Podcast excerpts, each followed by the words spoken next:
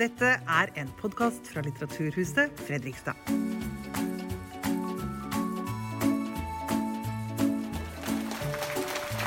Her på scenen eh, sammen med meg nå så har jeg Bjørn Vestli.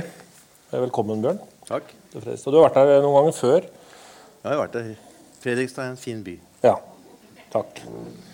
Eh, du, har, eh, du har jo gitt ut denne boka her, eh, Bjørn.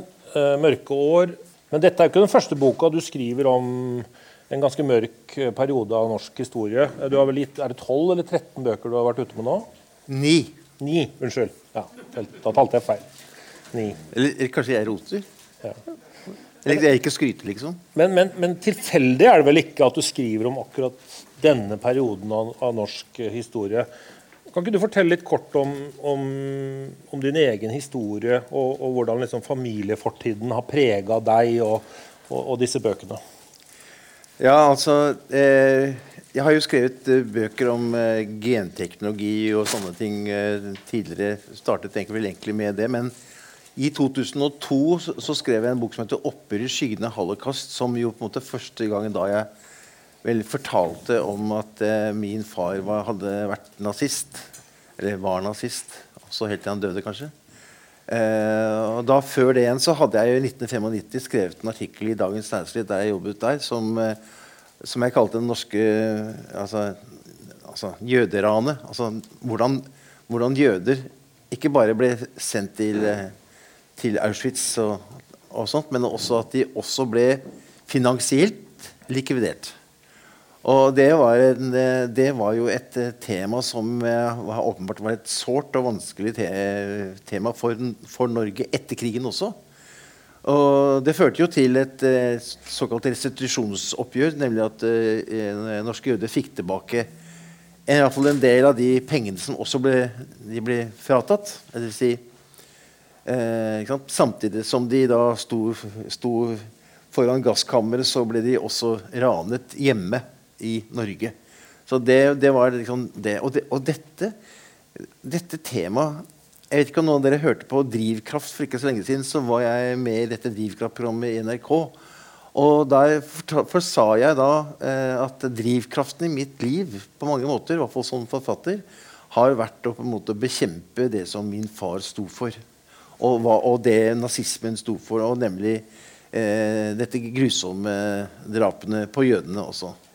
Sånn at, øh, og, og, jeg har liksom hatt det som en sånn Både som journalist og senere som forfatter også skrive om, det, skrive om ting som ikke andre har skrevet nok om, eller ikke har skrevet om i hele tatt. Og, og, og derfor så eh, de, i, i, 2019 så ga jeg ut en bok som, het, som handlet om, eh, om pressen under eh, annen verdenskrig. Norsk presse, altså.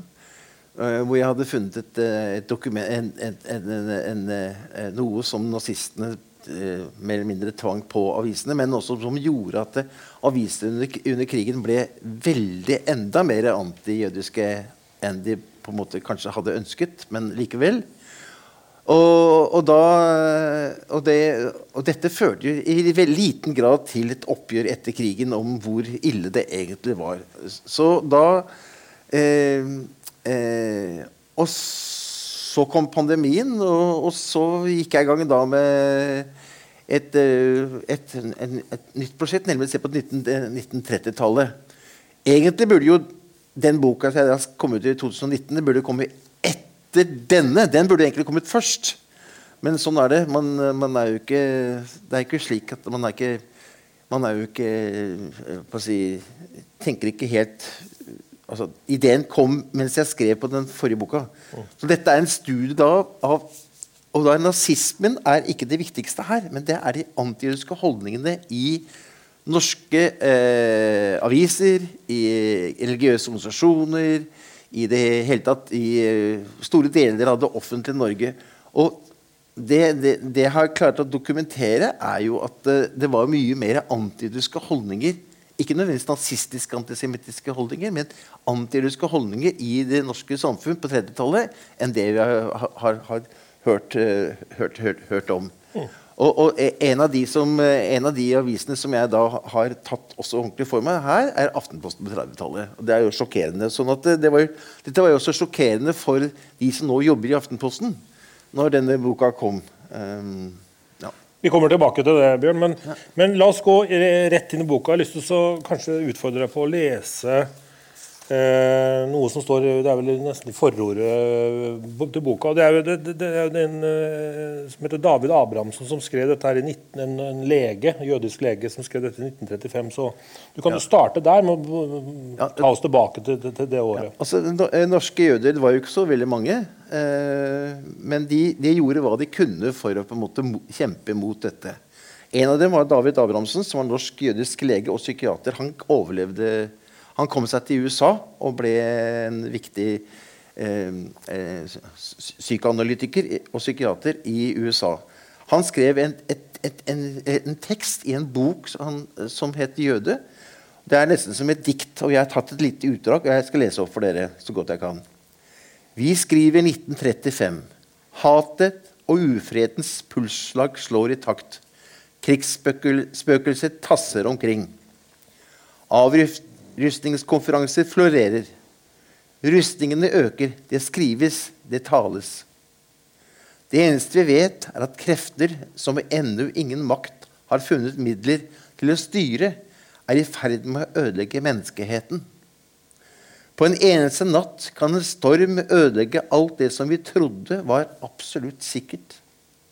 Vi ser med bekymring ikke bare på vår egen lille verden, men på hele den store verden som vi alle bebor i fellesskap, og hvis velferd vi alle, jøder og ikke-jøder, er avhengig av.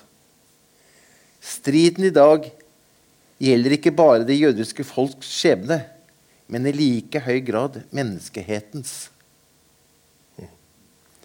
Når jeg fant den teksten, så ble jeg både litt sånn berørt og, og jeg syntes det var veldig sterkt. Og tenkte at det måtte det starte denne boka.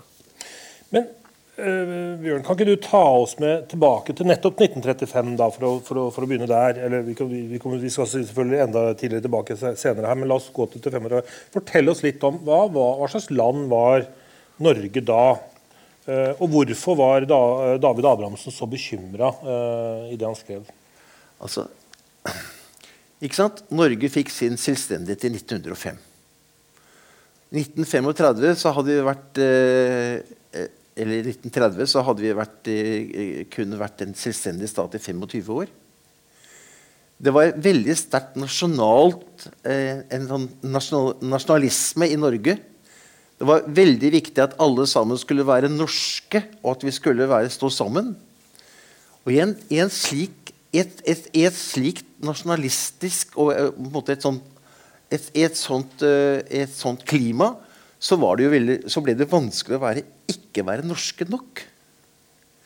Det førte jo til at alle minoriteter, eh, også det som den gang ble kalt tatere, eh, ikke skulle være tatere. Eh, at samer absolutt ikke skulle være samer. At samer skulle være norske som bare det, det holdt jo også på langt utover til 1975 omtrent. Og, og alle, alle, minoriteter, enten det var uh, finn, finn, Hva heter det? Finn, heter det noe? Finne altså, fin, altså, også finner i Norge, finske i Norge også. Alle, alle, skulle være norske. Og i, denne, i dette, det, dette rammet jo da også spesielt jødene. Eh, og kanskje mer enn andre, fordi Eh, det var jo en forestilling om at eh, jøder bare tenkte på penger, og at eh, jødene kontrollerte veldig mye. Og dette var holdninger som, som, var ganske, som var ganske bredt. Og der var det jo også eh, både Kirken, altså den norske statskirken, og andre religiøse organisasjoner de var veldig antijødiske. I boka så eh, tar jeg bl.a. for meg Israelmisjonen, som eh, jo bekjempet jødene gjøre alt hva de kunne for å, å få jøder til å bli deres kristne. Eh, og i, i, den sammenhengen var de også svært antijødiske. Jeg har gått gjennom tidsskriftene til noen av disse organisasjonene. Eh, både Den katolske kirke på 30-tallet og også, også eh, Israelmisjonens eh, Eh, eget tidsskrift. Eh, det var jo bare ikke sant? Det, jo, det, var, det, var, mye mer. Men det var også i, i, i, den norske statskirken var det også holdninger mot jøder. Og noe av det som ligger bak dette, var jo at, en oppfatning om at, eh, at, at, at jødene hadde drept Jesus. Men Jesus var jo jøde. Ikke sant? Men det, det, ble ikke akseptert at, faktisk, at Jesus var faktisk en jøde. Det kan ikke være noe annet. Men disse holdningene har, har da vært, levd over lang tid i, også i Kirken. Men det var også slik i, i mange flere part, politiske partier, og ikke minst i avisene. Det er et ganske stort uh, lerret som jeg har forsøkt å, å uh, uh, strekke opp. Uh, og en av de avisene som som på ingen måte var nazistisk. Altså Johs Nesse, som var sjefsredaktør i Aftenposten i denne avgjørende eh, perioden, han var for det første medlem av Høyre. Han var medlem av Høyres programkomité på 13, begynnelsen av 1930-tallet. Han var offiser. Han var helt imot Nasjonal Samling da det kom. Han var helt imot uh, Fedrelandslaget, som var, jo var en fellesorganisasjon for flere uh, krist, uh, konservative i Norge.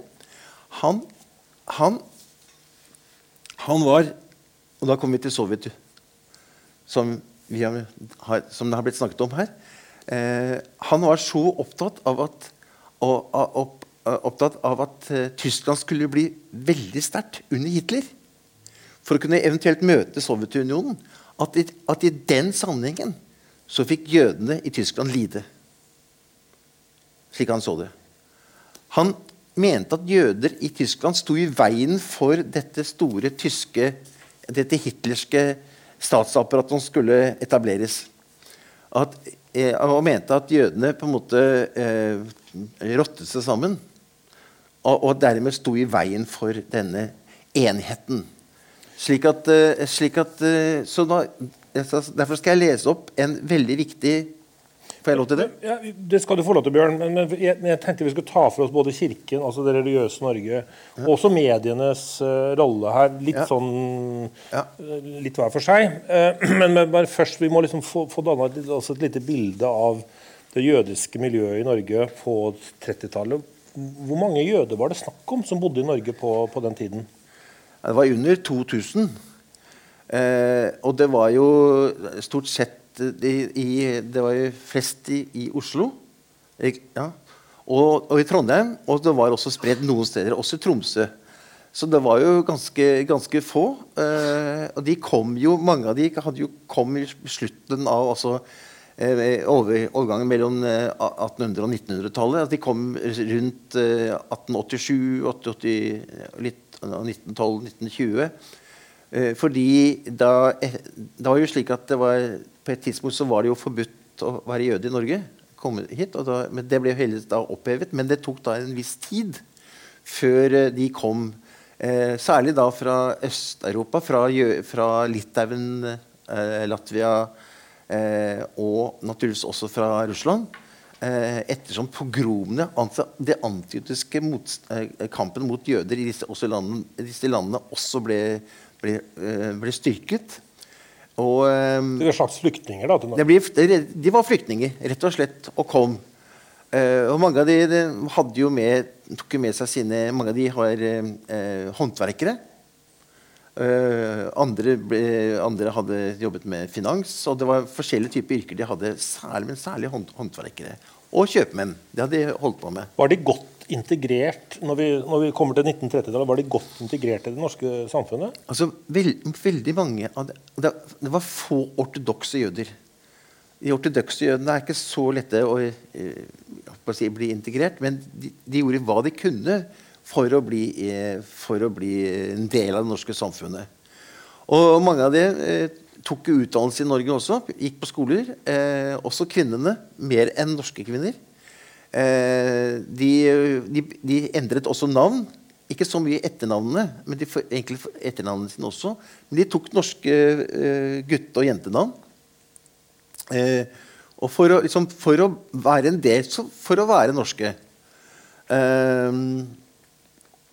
Men, men, likevel. likevel så likevel så ble disse, disse jødiske innvandrerne de ble, de blir sett på, på, på en, eh, på en eh, litt spesiell måte. Men det betyr ikke det at alle var imot jøder. Og, og mange av de ble jo også både flinke eh, Ble leger, musikere. Eh, de gjorde hva På samme måte som innvandrere i Norge i dag. Hvis man nå går på ser på hvordan, hvordan apotekene våre nå er i ferd med å bli, nemlig at det er eh, veldig mange, eh, veldig mange med innvandrerbakgrunn som nå har tatt disse utdannelsene og fått, for, fått utdannelser som de kunne ta, få, og at de kunne da få jobber. Uh, sånn er det nå også i Norge. Men- i, i, i, De som er innvandrere, prøver alltid å få, få jobber og få utdannelse. Sånn var det med jødene også. Men, men, men eh, det, det, det er kanskje litt vanskelig å forstå det i dag. Eh, Derfor så spør jeg også hvordan kunne en så liten gruppe mennesker Vi snakker liksom om 2000 mennesker. Det, er jo, det, jo, det får jo plass i Stjernehallen liksom, her oppe i dag. Altså, hvordan kan et så liten gruppe mennesker eh, som var såpass godt integrert i samfunnet, bli sett på som en trussel altså, av såpass mange mennesker her i Norge? Det er et godt spørsmål. Det er, det er egentlig litt vanskelig å, å forstå, men ikke sant eh, eh, Det er jo Det er jo, det er jo også slik at eh, altså De som da Igjen dette med dette presset om at alle skulle være like, skulle være norske nok. ikke sant? Og, og, og, og nettopp fordi flere av dem da også eh, var flinke, veldig, de var så ivrige på å bli, for å bli inte- inte- integrert, at de tok ordentlige utdannelser, og de fikk jobber. Og mange av de da, de drev jo han, med veldig mye handelsvirksomhet. ikke sant? Og fordi det var det lett, og, lett Det var det jeg hadde drevet med tidligere, der de kom fra. Og de, det var jo lett naturligvis også å sette opp en, en, en bod og selge epler eller appelsiner eller hva som helst. Og det, det, det i stor grad gjorde de det. Men i den sammenhengen så ble det igjen da spredd oppfatninger om at jødene da på en måte svindlet og var veldig sleipe og sånne ting. Den type holdninger ble, ble jo da Det lå kanskje, det lå kanskje et, et sånn, en slags jødeskepsis derfra før? da, eller? Jo, jo, men som en del av, som en del, Hvis man går tilbake til eldre tekster, også i, i religiøse tekster, og hvordan eh, altså, eh, kirkene har forholdt seg, til, forholdt seg til jøder, så nettopp fordi dette at, jødene, at, at det var jø, jødene som drepte Jesus altså, I flere av disse historiene om, eh, om eh, som, eh, jøder i Norge som har skrevet bøker, som Jo Benkow og andre som har skrevet bøker det, Den type påstander blir jo spredd også i klassene. ikke sant? Eh, og og, og det, det har jeg eks flere eksempler på dette. Nemlig den påstanden at det var dere som drepte Jesus. Det stå, stå, har stått veldig sterkt. Og nå er det jo ikke sant? Nå er det et oppgjør i Den norske kirke. Han som er eh, sognepresten her i Fredrikstad, han leder jo en sånn en, en, et utvalg som nettopp ser på kirkens forhold til jøder over tid eh, i Norge. Sånn at det, det er jo det har jo tatt forferdelig lang tid før man måtte ha forsøkt å gå gjennom og se hvordan var det egentlig dette. Eh, Må litt spørre om det. Du nevnte en ting helt innledningsvis her, Bjørn, og du skriver for så vidt noe om det i boka også. Du setter jo et slags skille da, mellom den, den nazistiske jødehetsen og den mer folkelige antijødiske holdningen som fantes blant mange. Eh, kanskje mer basert på fremmedfrykt og fordommer. Kan, kan ikke du forklare det skillet der litt? ja, det er ikke så lett å ta det, altså, ha dette skillet, men jeg, jeg fant ut at jeg ikke syns at eh, altså, Nasjonal Samling Nasjonal Samling gikk jo så utrolig langt. Altså, de brukte jo sånne vikingmyter og masse ragnarok og masse, masse ja, tullball, vil jeg kalle det. Uh, og i sin, i sin måte fremstilling av jøder eh, sånn sterkt overdrevet. ikke sant? Det ble jo verre og verre i den retningen. Uh, mens, mens, mens, mens det der som er da og, og, det som er på, på et annet plan På et annet plan er kanskje farligere. ikke sant? Og, jeg, derfor så har jeg prøvd å skille, skille mellom de to. Og det har jeg blitt kritisert for at jeg prøver å skille det. For det, det, går, det glir jo over i hverandre også. Ikke sant? Mens, mens, mens, eh, mens altså denne Johs Nesse, som er for meg et veldig godt eksempel, han, eh, han, eh, han var jo han, han drev jo ikke med den type, sånne, den type forestillinger. Men han gikk rett på og også kritiserte jødene. Eh, noe jeg skal lese opp for dere etterpå. Eh, sånn at det, disse holdningene var jo også mye mer antageligvis mye mer eh, bredt, utbredt. Eh, ikke sant? Og i, Særlig i bondebevegelsen så var det ganske dramatiske forestillinger om, om, om jøder. Og der, Det var jo Bondepartiet i, også stor grad med på å, å, å, å distribuere. Og Nasjonen, som den gangen var, et, også den gangen var Bondepartiets organ, hadde jo en, hadde jo en redaktør som uh, var ganske uh, vill. Altså, han foreslo i 1938 at de tyske jødene skulle sendes til Madagaskar. Den mannen var ikke nazist. Han ble, eh, han ble forsøkt altså han, han, var ikke medlem av Nasjonal Samling. Sånn at eh, Det ligger på et annet plan. ikke sant? Eh, du vier jo litt plass til de, de politiske partiene, og spesielt da forløperen til Senterpartiet, nemlig Bondepartiet, mm. uh, i boka di. Uh, for der var det vel Vi må kunne bruke det, dagens begrep. Der var det mye grums. Uh, kan ikke du fortelle litt om de holdningene som en del ledende personer i Bondepartiet hadde på 30-tallet? Altså, han, han, som var redaktør for Nasjonen, var jo en, en av dem. Altså, men, men det, det, er klart at det, det var særlig én ting som da skjedde i 1929. Da, det var som da ble drevet fram som en sånn hetskampanje mot jøder. og det, var, det, handlet om den jødiske slaktemetoden. Altså at, eh, at, man, at dyr skulle bli tømt helt for blod. Eh, slik at eh, man da man, man skar over strupen på dyret, og så blødde det i hjel. Og det ble da forbudt i 1929 i Stortinget. Og er fortsatt forbudt i Norge for øvrig.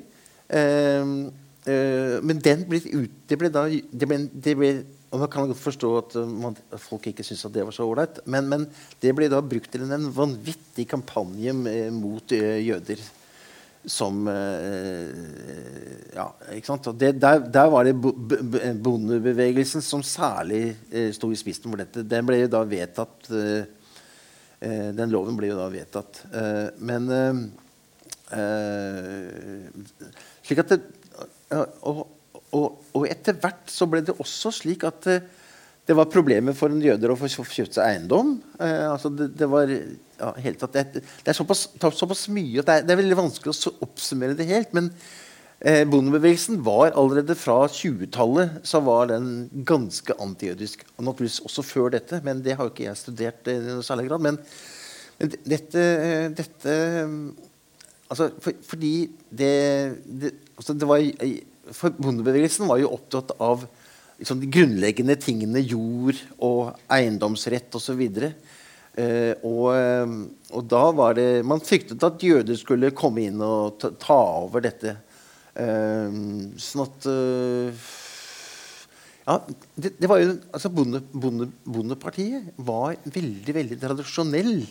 Og, og, og, var redd for innvandring i, i, sin helhet. Altså i hele tatt.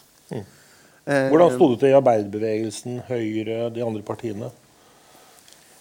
Altså Eh, altså, Høyre var jo i den situasjonen at du hadde en, en eh, Hambro som må ha jødisk opphav.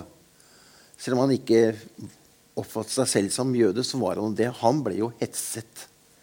Og dessuten fordi at han også da sto han, mens, mens Høyre og andre de andre borgerlige partiene langt på vei gikk støttet Tyskland inn før krigen Eh, støttet også at Tyskland eh, fikk overtok både Tsjekkoslovakia og, og, Østerrike. Eh, Hambro gikk imot. Det ble han eh, mobbet for. Og han, hadde, han, han, var jo stortingspresident og leder for Høyre på 30-tallet. Han eh, skrev, han var utrolig aktiv. Han skrev mye. Han var fast eh, skribent i flere av Høyres aviser. Høyres pressebyrå. Men etter at han hadde gått imot at, eh, mot at Tyskland skulle få lov til å overta Sudetenland i 1938, så ble han nektet å, å få skrive disse avisene. Og eh, etter min oppfatning så må det også ligge det et litt antijødisk eh, trekk ved det. eh, eh, at han ikke fikk skrive. For han Alle visste at han hadde jødisk opphav, men han brydde seg ikke om det. Men så må vi liksom innom eh, det som blir kalt for eugonikken her, da, eller liksom den, den sånn rasehygieniske forestillingene forestillingen som også var veldig utbredt på, på te- Dette her var, på en måte, var vel også en del av bildet. Bare festa meg litt ved, ved Bondepartiets leder, eh, Bondepartiets Jens Hundseid, som i 1930 sa dette fra start, Stortingets talerstol. Det ligger en stor fare rent rasehygienisk i dette at ungdom med oppdrift reiser ut av landet, men at vi får skrap tilbake. Det, som, ja. Jo, det, jo, det var jo det som var holdningen. Og dette skrapet ble vel også oppfattet som den, den sammenhengen her, også at det også var, de fikk jøder ikke sant, som var skrap. Ikke, ikke norske nok. Og, eh, sånn at disse holdningene var veldig, sto veldig sterkt. Og det, dette arvehygieniske eh, prosjektet var, var også veldig eh, til, til, stede, eh, til stede. Og det var også årsaken til at tatere, eh, Norsk misjon mot hjemløse, som jeg skriver om, mm. Uh, uh, uh, at de gikk inn for å hindre at tatere skulle få barn. og da ble også kvinner sterilisert Dette ble, med, eh, en, dette ble jo til og med vedtatt som en lov altså i 1934. Du må fortelle litt om denne loven om tvangssterilisering, som, vi, som faktisk Stortinget har vedtatt. Ja, mot, eh, ja, det var noen som stemte mot, men det var ikke mange. Men eh, det, det, da var det det, Da var det liksom det, det store. Carl Evang var blant dem som da, som da senere ble helsedirektør. Han var en av de som da også var for denne loven. Så Arbeiderpartiet og hele, altså nesten hele det politiske var, eh, landskapet var for denne loven.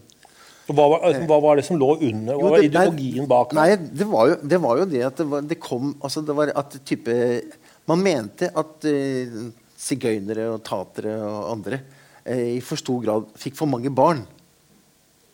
Og når de fikk for mange, mange barn, så var det en trussel mot eh, folk, både folkehelsen og mot Norge.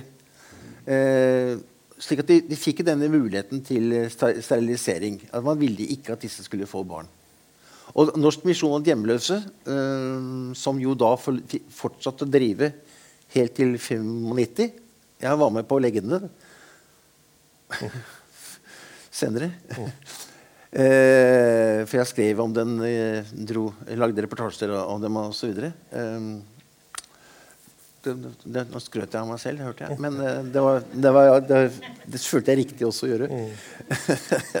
Ugress. Var faktisk- Ugress, ja. Ugress, De sto jo bak dette. Det ble kalt for ugress. Ja, ja, ja. Ikke sant? Eh, Norsk misjon hjemløse En ting var at de som skulle sterilisere. Det holdt de med på, på 70-tallet. Altså eh, sterilisere dem. Eh, kvinner som fikk for mye barn, eller at det var løsaktig. Hadde mange sexpartnere. Eh, og at de også da på en måte ble et problem. Ikke sant? Jeg dro På 1979 så dro jeg til, til, til dette hjemmet hvor eh, Norsk Visjon hjemløse hadde for, eh, for, ta, for tatere. Jeg kaller det tatere. Mm. eh, eh, på, på Vestlandet. Og da intervjuet jeg da eh, folk som var der, som, som liksom hadde blitt, fått, hadde blitt fratatt ungene sine. Fikk, fikk ikke lov til å vokse opp sammen med foreldrene sine fordi de skulle bli gode nordmenn. Ikke sant? Jeg, sier ikke at jeg, sier ikke, ikke at det ikke var, hadde, at det var problematisk med noe av det livet de folkene levde, men det var jo, det var jo noe som hadde blitt Deres familieliv hadde blitt drevet opp av misjonen gjennom generasjoner. ikke sant?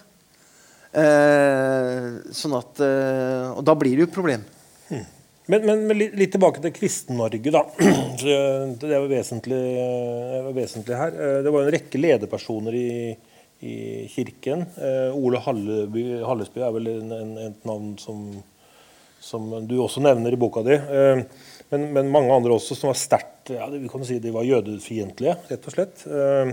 I dag så ville vel mange av dem blitt stempla rett og slett som rasister og langt på vei nazister, kanskje. Kan ikke du ta oss med inn i disse kristenmiljøene øh, og fortelle litt hva de sto for? Hvem var disse lederne? Da skulle jeg vel antagelig bare lest opp noen av det som jeg har eh, sett på. Nemlig altså norsk, norsk, eh, norsk, altså Israel-misjonen. Den eksisterer jo. Den, de, de driver jo også Jeg har møtt dem også i Haifa i, i, i Israel. De, deres prosjekt er å gjøre eh, jøder til kristne. Det er liksom hovedprosjektet. Og ø, i den, i den En studie da av deres med Israel for fred Hva det? heter, ja, i fall deres, eg- deres, eget, eh, et- deres eget tidsskrift på 30-tallet. eh, er, Der er det gjort en studie som jeg ikke har gjort, men jeg har eh, eh, brukt denne studien, som en medlem av Israelmisjonen for øvrig har, har, eh, har, eh, har gjort, på, sett på 30-tallet. Så jeg siterer fra den. Uh, og eh, det er altså så helt utrolig hva de fikk seg til å skrive om, uh, om, om jøder. De var så antijødiske. Selv etter at aksjonene mot jødene i Tyskland hadde startet. De skrev helt etter at tyskerne hadde kommet til Norge, så skrev de negativt om jødene.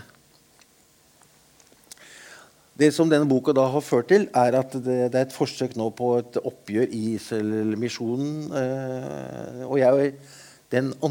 De, 2. desember i fjor så var jeg med på et sånt stort møte og holdt foredrag for Israel-misjonen. Det som er det spesielle, det er at den, den, master, den, det er en, eh, en, eh, en masteroppgave i historie som et medlem av Israel-misjonen skrev for 15 år siden. For øvrig en lege. Han, han øh, følte så at det var, han var medlem av Israel Misjon. Og han følte at det var så riktig å måtte se på historien deres. Så han skrev den, øh, den, den masteroppgaven. Så leverte han til ledelsen av Israel Misjon. De ville ikke ha noe med den å gjøre. helt tatt. Men når jeg kom med denne boka, her, så ble jeg angrepet i Vårt Land. Eh, fordi at jeg skrev som jeg skrev om Israel-misjonen. Så krast som jeg har gjort det. Da, da, men, eh, og, og nå, er, nå er de i gang med å se på hva, hvordan skal de forholde seg til det, deres egen historie. For her satt det ledere som satt i over 50 år og hadde sånne, den type holdninger helt til etter krigen. Eh, så det er jo ganske skandaløst, det hele. Så det, men jeg har jo prøvd altså, det, det å på en måte skrive om noen ting som er vanskelig, er jo veldig viktig å gjøre. Nettopp fordi at skal vi komme videre i videre Men Israel-misjonen var jo en, en, eh, del. Men hva med Den norske kirke? Det mer, Jo, den, altså, nå har, det har jo vært, Over lengre tid så har eh, eh, kirkehistorikere skrevet om Spesielt en, eh, spesielt noen, skrevet om eh, de, de, hvordan eh, Kirken har antijødiske holdninger. Det har vært også lenge før eh, 1930-tallet, men også under 1930, på 1930-tallet. Og har jobbet med dette på, veldig, på en veldig bra måte. Eh, men det har ikke blitt tatt på alvor. Altså, ikke sant? I dag så er de, de mest religiøse er jo de, mest, de som er også mest for Israel. Eh, men, men uten, i, uten at de har gått ordentlig i seg selv. ikke sant? Og Jeg mener, at, jeg, mener at det er utrolig viktig. Skal vi lære, komme videre i verden, så må, kan vi ikke bare liksom vi må, Hva var det som gjorde at vi hadde de oppfatningene? Og det er det alle, alle må gjøre. Jeg også, naturligvis. Jeg har også fordommer. Eh, vi er jo ikke fri for eh, holdninger mot mennesker som vi, mennesker vi ikke liker, eller som er fremmede for oss. Slik at dette er, noe, dette er noe som er veldig veldig viktig. Fordi dette forferdelige som skjedde den gangen, kan jo skje på nytt. ikke sant? Uh, nå, er, nå bruker som vi, russernes eh, retorikk nå de, de bruker jo eh, retorikken om at ja, i, Ukraina så er det nazister. ikke sant? Og Hvis du kaller noen nazister, så kan du gjøre hva, hva du vil med dem. Ikke sant? Setter du en, et, et, et, et, en eller annen form for klistremerke på noen, så kan du resten gjøre hva du vil med dem. Fordi de er ikke som oss. De er verre enn oss. De er farlige.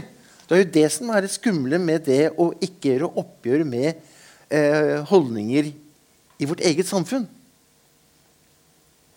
Jeg, ba- jeg bare slo meg mens du for, fortalte om eh, denne jeg bare, ja, før, før jeg egentlig stiller et spørsmål, så vil jeg spørre hvordan denne hverdagstrakasseringen, for å kalle- det det, som mange jøder var utsatt for på 30-tallet hva, hva, hva, hvordan eh, Hvis man eksempel var jøde i Fredrikstad, hva, hva kunne man oppleve? Liksom? Altså, nå snakker jeg ikke om eh, hva led, lederartikler i Aftenposten og kirkemenn og sånn sa, men liksom på gata. Hva kunne man oppleve? Ja, altså, altså, Jo Benkow forteller eh, noe om det, og andre forteller også om det i, sine biografier. Altså, Han vokste opp på, på Grünerløkka. Da ble han, han de, altså, Jødiske gutter måtte lære seg bokse. På 30-tallet var det mange flinke jødiske boksere. Som også den eh, filmen og boka til Martin Michelet eh, viser også. Bokserne. Nettopp fordi de kunne ta igjen. Det gjorde Benko, Jo Benkow også. Han slo igjen. Og, og andre, eh, eh, også Robert Levin, som vokste opp på Grünerløkka, han lærte seg å slå og, og bokse. Ta igjen.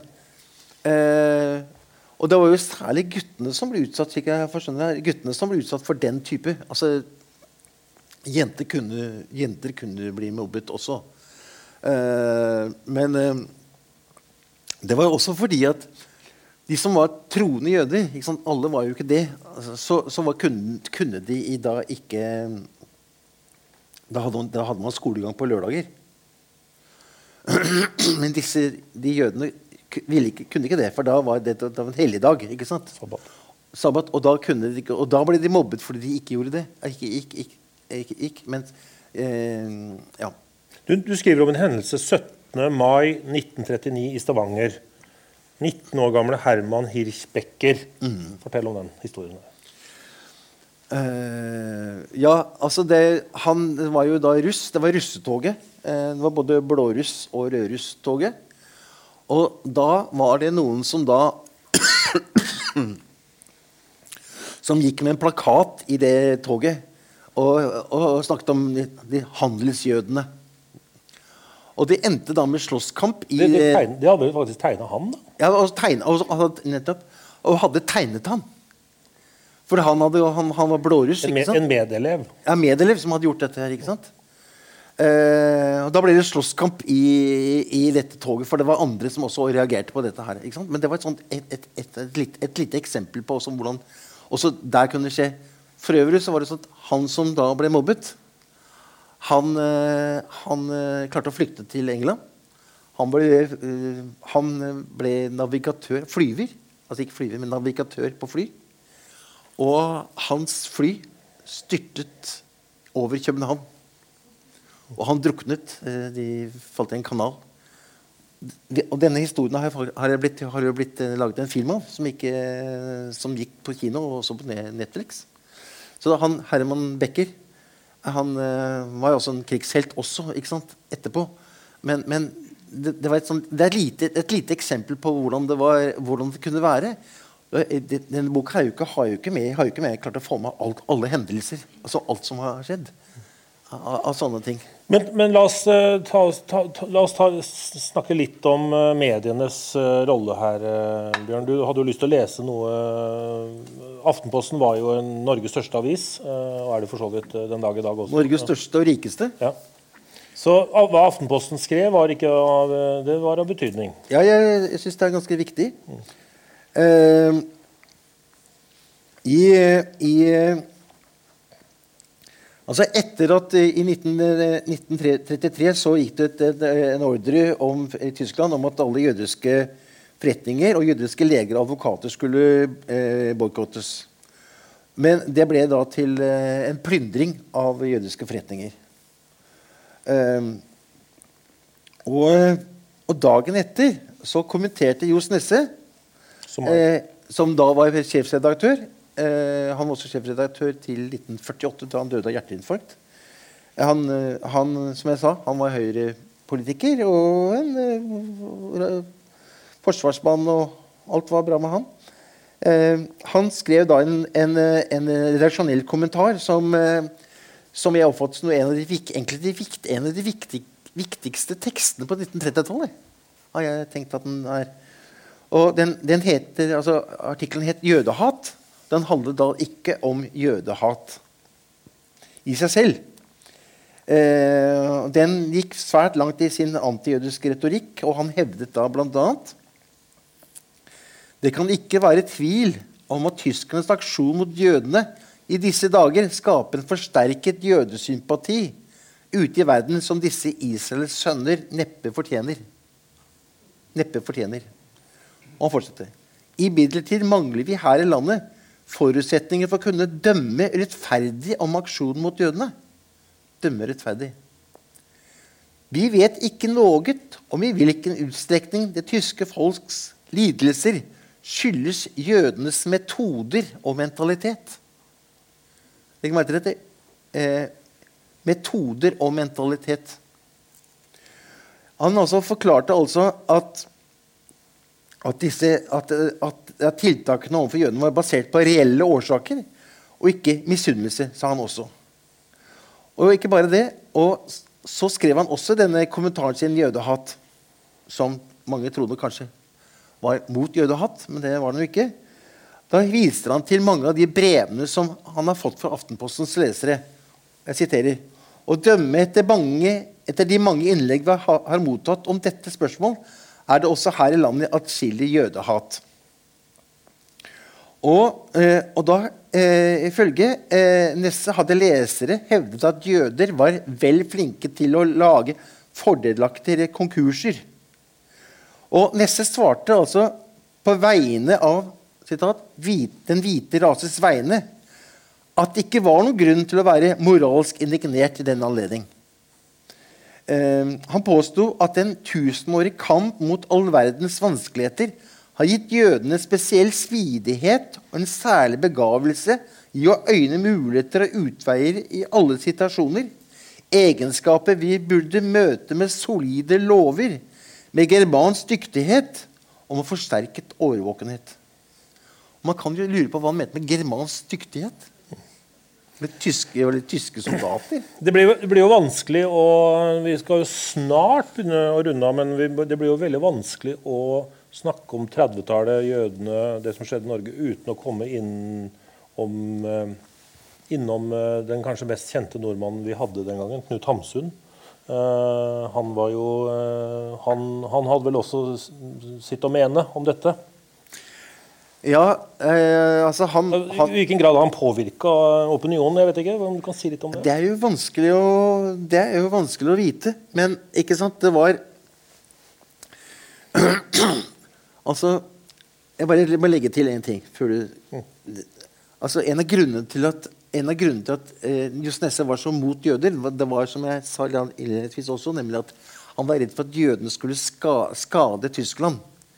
For han var for at Tyskland eh, mobiliserte, og at Tyskland ble sterk militærmakt. Og Derfor forsvarte han også at Aftenposten forsvarte også at, at, de tok over andre land for å bli så sterke som mulig, som Østerrike f.eks. Og i, i, i, den, i, den, i, den, uh, I den sammenhengen så er det et godt eksempel på hva som skjedde. I 1936 så ga Nobelkomiteen i Norge eh, fredsprisen til Kla eh, von Ossietzky, som var en person som han var journalist og hadde avslørt at Tyskland hadde mobilisert eh, sin hær, styrket militærkraften sin, til tross for at det var et brudd på Versailles-traktaten. Da kan man si at Versailles-traktaten var urettferdig på mange måter. Men likevel. Det førte da til altså at han fikk fredsprisen. Men da startet Knut Hamsun en, et opprop mot at Dostojevskij skulle få, eh, få, denne fredsprisen. Og, og eh, det var med Forfatterforeningen holdt på å bli, spreng, bli sprengt pga. denne saken. Og det var med et lite flertall som var, var mot Hamsuns opprop. Og, eh, og, på det tidspunktet så visste jo alle hva som hadde skjedd med jødene i Norge, men det var altså aldri et tema i den saken i hele tatt. og var så, var så eh, Og de som da var, som støttet Dostojevskij, prøvde seg da med et opprop til støtte som ikke Aftenposten ville trykke. Sånn at, sånn at, eh, sånn at altså Hamsun hadde jo veldig stor innflytelse. Og dessverre hadde han veldig stor innflytelse på min far. Også, de, også hans tyskvennlige holdninger, og at han var sånn imot jøder. Nå var, ikke, nå var, ikke, nå var jo ikke eh, Hamsun like tydelig alltid i de, sin antijøske retorikk, men han var jo en nasjonalist på sin hals. Og de som kan sånt bedre enn meg, har jo på en måte eh, kunnet dokumentere hvor antijødisk han var. Eh, nå var jo kona hans enda mer antijødisk. da, viste seg men, men, det, krigen, men det, hører, når, vi, når, vi, hører om hvordan det var på 30-tallet, så var jo egentlig ikke Hamsun veldig utypisk, kanskje? Det, da, da, han, han sto vel for det mange andre sto for? Ja, ja, ja. Altså, hvis du hører Johs Nesse, som var den solide mannen, forsvarsvenn og, og, og videre, videre De holdningene han hadde Han var jo enda tydeligere enn Hamsun på mange områder. Men Bjørn, tror du uh, altså Deportasjonen av jødene i 42 Det var vel 773 jøder som, ja. som, som ble skippa ut av Norge, og de færre, færreste kom jo tilbake. Uh, tror du denne holdningen som mange nordmenn hadde, var, var det til hjelp for tyskerne? Altså, bidro det i noen grad til at uh, jødeutryddelsen av de norske jødene? Altså Eller ville det skjedd uansett? Hadde nei, altså, rolle, liksom? nei, altså det, det, det, det, ville jo skjedd. Eh, det, ville jo skjedd. Men dette er jo dette klassiske spørsmålet i hvilken grad kunne man ha reddet flere? Og eh, det er jo andre som jeg siterer her, som jo på en måte sier at, at altså en av grunnene til at det gikk såpass lett å sende såpass mange ut så fort osv., så skyldtes at det var antijødiske holdninger som lå til grunn for det. Altså, det var jo slik at eh, sant, eh, I Oslo så drosjesjåførene kjørte øh, jøder ned til havna. NSB var med å frakte jøder fra hele, hele landet til, til havna. Eh, jeg har selv gått gjennom uh, forsikringsselskaper osv. Livsforsikringspoliser til jøder ble, inn, ble opp, opphørt. Eh, og, eh, altså, de store forsikringspolisene var med på å rane av jødene. ikke sant? Der satt det antagelig folk og, og byråkrater og, og, satt rundt omkring og liksom krysset av her. ikke sant? Vel vitende om hva som at jøder ble sendt ut i landet, trodde, trodde de at de skulle bare liksom på, på ferietur. Det kan du ikke ha trodd. Men, men det, da er vi jo liksom inne på altså, Det blir jo vanskelig å komme utenom den boka som skapte voldsomt eh, rabalder for noen år siden, nemlig Marte Micheles bok hva visste hjemmefronten? Mm. Den, også, den, tar jo også for seg mye, noe av det samme. da. Hvorfor tror du den boka skapte så stor rabalder, Bjørn? Eh, for der gikk hun jo rett i, i strupen på for så vidt mange av ja. de norske heltene. da. Ja, men der, det, problemet, var at, problemet, var jo at, hun gjorde en feil som hun ikke skulle ha gjort. ikke sant? Ja. Altså, Det går ikke an å beskylde noen for å være nazist når det ikke var det. Mm. Eh, sånne ting som dette her, sånn, jeg, jeg, er litt lei meg for at at det liksom endte på den måten. på mange måter. Det, liksom, det har liksom kokt liksom bort på, på, mange måter. Men, men, det er klart at det, altså, det er jo andre som mye før henne jeg kunne ha sitert andre også. Som sagt at en av sånn som eh, eh, så, så, så, kunne si at en av grunnene til at det gikk såpass lett, var jo det at det var antijødiske holdninger i Norge. Men det å legge skylda liksom på, direkte på et på, på, eh, på enkeltpersoner og si at de og de, de tok de betalte, måtte betale så og så, så, mye, og, og, de og de måtte, var nazister, når de ikke var det. Det, det, det, det ødela litt, litt, av den debatten som kunne blitt mye mer rasjonell og mer uh, grundig. fordi hun, det, hun gjorde, var jo uh, synes jeg var veldig viktig. Men jeg har også sett hun, ja, En av grunnene til at jeg måtte måtte bli, ta doktorgrad i historie, var at jeg ikke skulle gjøre sånne feil. Å lære seg, not, lære seg kildekritikk. Og det var det som manglet også fra forlaget sin side. Så det er all grunn til å kritisere dette. Men Marte Mislets første bok, 'Den største forbrytelsen', var kjempebra. Og det ble en veldig sterk, uh, veldig sterk uh, både film og bok. Men den, disse småfeilene det, det ødela litt. Men intensjonen hennes Intensjonen hennes har jeg stor sans for. Mm. Jeg har lyst til å hoppe til dag, Bjørn. Uh, For også i dag, det trenger jo bare å gå inn på telefonen din og ta to tastetrykk nedover Facebook, så, eller hvor det måtte være, så vil du jo finne veldig mange som ønsker seg også i dag et slags rent norsk samfunn. Eh, hva slags likheter og ulikheter ser du mellom dagens skal vi kalle det ytre høyre og rasister, og de holdningene som vi fant hadde på 30-tallet? Altså, er, det en, er, det, er, det det samme? Herregud. Ja, men jeg bare syns jeg, synes jeg ser synes det er, er noen likheter der. Jo, jo. jo, jo, jo. jo men altså, det, er, det, som er problemet, er jo på en måte å La, la, la oss si at jeg, la, jeg si, la oss si, jeg si at det er som på 1930-tallet. Så blir jo det egentlig ikke Det var en annen tid, eh, en annen situasjon. Eh, men det, det, er klart at det er Det er klart det er uh, Det er klart det er det er klart det er rasisme også i Norge fortsatt. Og det er klart det er rasisme i Sverige, og det er rasisme uh, i mange, veldig mange land. Spørsmålet er bare om kan de liksom men det, feilen er å, måte, å, begynne å sides, sammenligne det, eller, eller, på en måte sidestille det. Fordi da får du på en, en annen type, en, et annet type problem. ikke sant? Det er, et, det er klart det er et problem Det er klart at det er Hvis du ser i, i Sverige altså, Det er klart at alle disse, alle disse, eh, disse eh, skuddhistoriene Jeg bor jo av og til bor jo mye også, også i Sverige, så jeg har fulgt veldig godt med. Eh, sånn, alle, disse, alle disse, At det er masse innvandrerungdom som driver med disse skyt, altså, alle disse her kriminelle tingene. Det skaper jo Om det skaper rasisme, er jeg ikke helt sikker på. Men det skaper i hvert fall motstand. Og det er jo, det er jo, det er jo, et, det er jo et, problem. og det er klart, Ta et land mot veldig mange innvandrere uten å ha, ha, et, ha et opplegg for at folk kan få utdannelse og få seg jobb så skaper det uansett et problem, enten du kaller det rasisme eller du på en måte skaper, om det skaper for, for, uh, kriminelle. Altså, dette, det, men det å på en måte ha, å blande det helt sammen, det, det er, er, ikke så Kanskje ikke så konstruktivt. Jeg har jo hatt gleden av å bo to år i, eh, i Østerrike.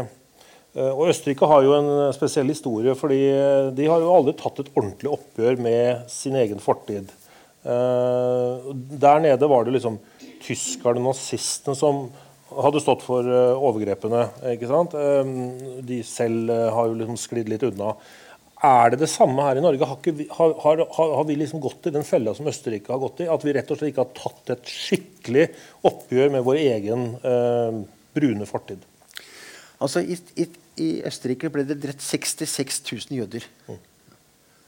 Det er en helt andre type eh, ikke sant? Helt andre type eh, størrelser. Nei, altså jeg, jeg, tenker at uh, vi har for stor grad uh, latt ansvaret på at man liksom litt sånn grått forestilt seg eller fremstilt at det var de antijødiske holdninger kom med tyskerne 1940. Vi hadde det før. Og når du ser på noe av det rettsoppgjøret som har vært etter krigen når det gjaldt de som var med på å sende jøder ut av landet. Altså Folk ble frikjent. Altså Det var, det var, det var to, to, eh, to, unge menn som da slo i hjel et jødisk ektepar. Stjal gullklokka deres. Og begrunnelsen om at de, de, at de da at, at, de, at de kunne bli avslørt av tyskerne. Derfor slo de i hjel så skjer, det, så skjer det at disse to gutta, eller den ene av dem, ble da dømt for å ha stjålet gullklokka. Men det blir frifunnet ha drept ham. Eller, eller han, som var, han, som administrerte jødedeportasjonen. Han ble, han ble frifunnet og fikk jobben tilbake i politiet. Hva, hva, hva, slags rettsstat er det som gjør sånt? Så svaret ditt er egentlig vi har ennå ikke tatt et ordentlig oppgjør med Nei, de, nei det er for seint. Det er antagelig for seint. Men, men, men det, spørsmålet er he, hele tiden der, hva, hva, kan vi lære av historien? Kan vi lære noe av historien? Det er spørsmålet stilles ut der. Jeg, jeg, jeg, jeg, begynner, å bli, begynner å bli litt sånn, eh, litt sånn gammel og lei. Og liksom, jeg tror nesten ikke på at det er mulig. Men bare, for min egen del har jeg sagt at jeg har prøvd å lære av den historien som far, det som faren min var med på. Han var SS-soldat i Ukraina. Av alle steder.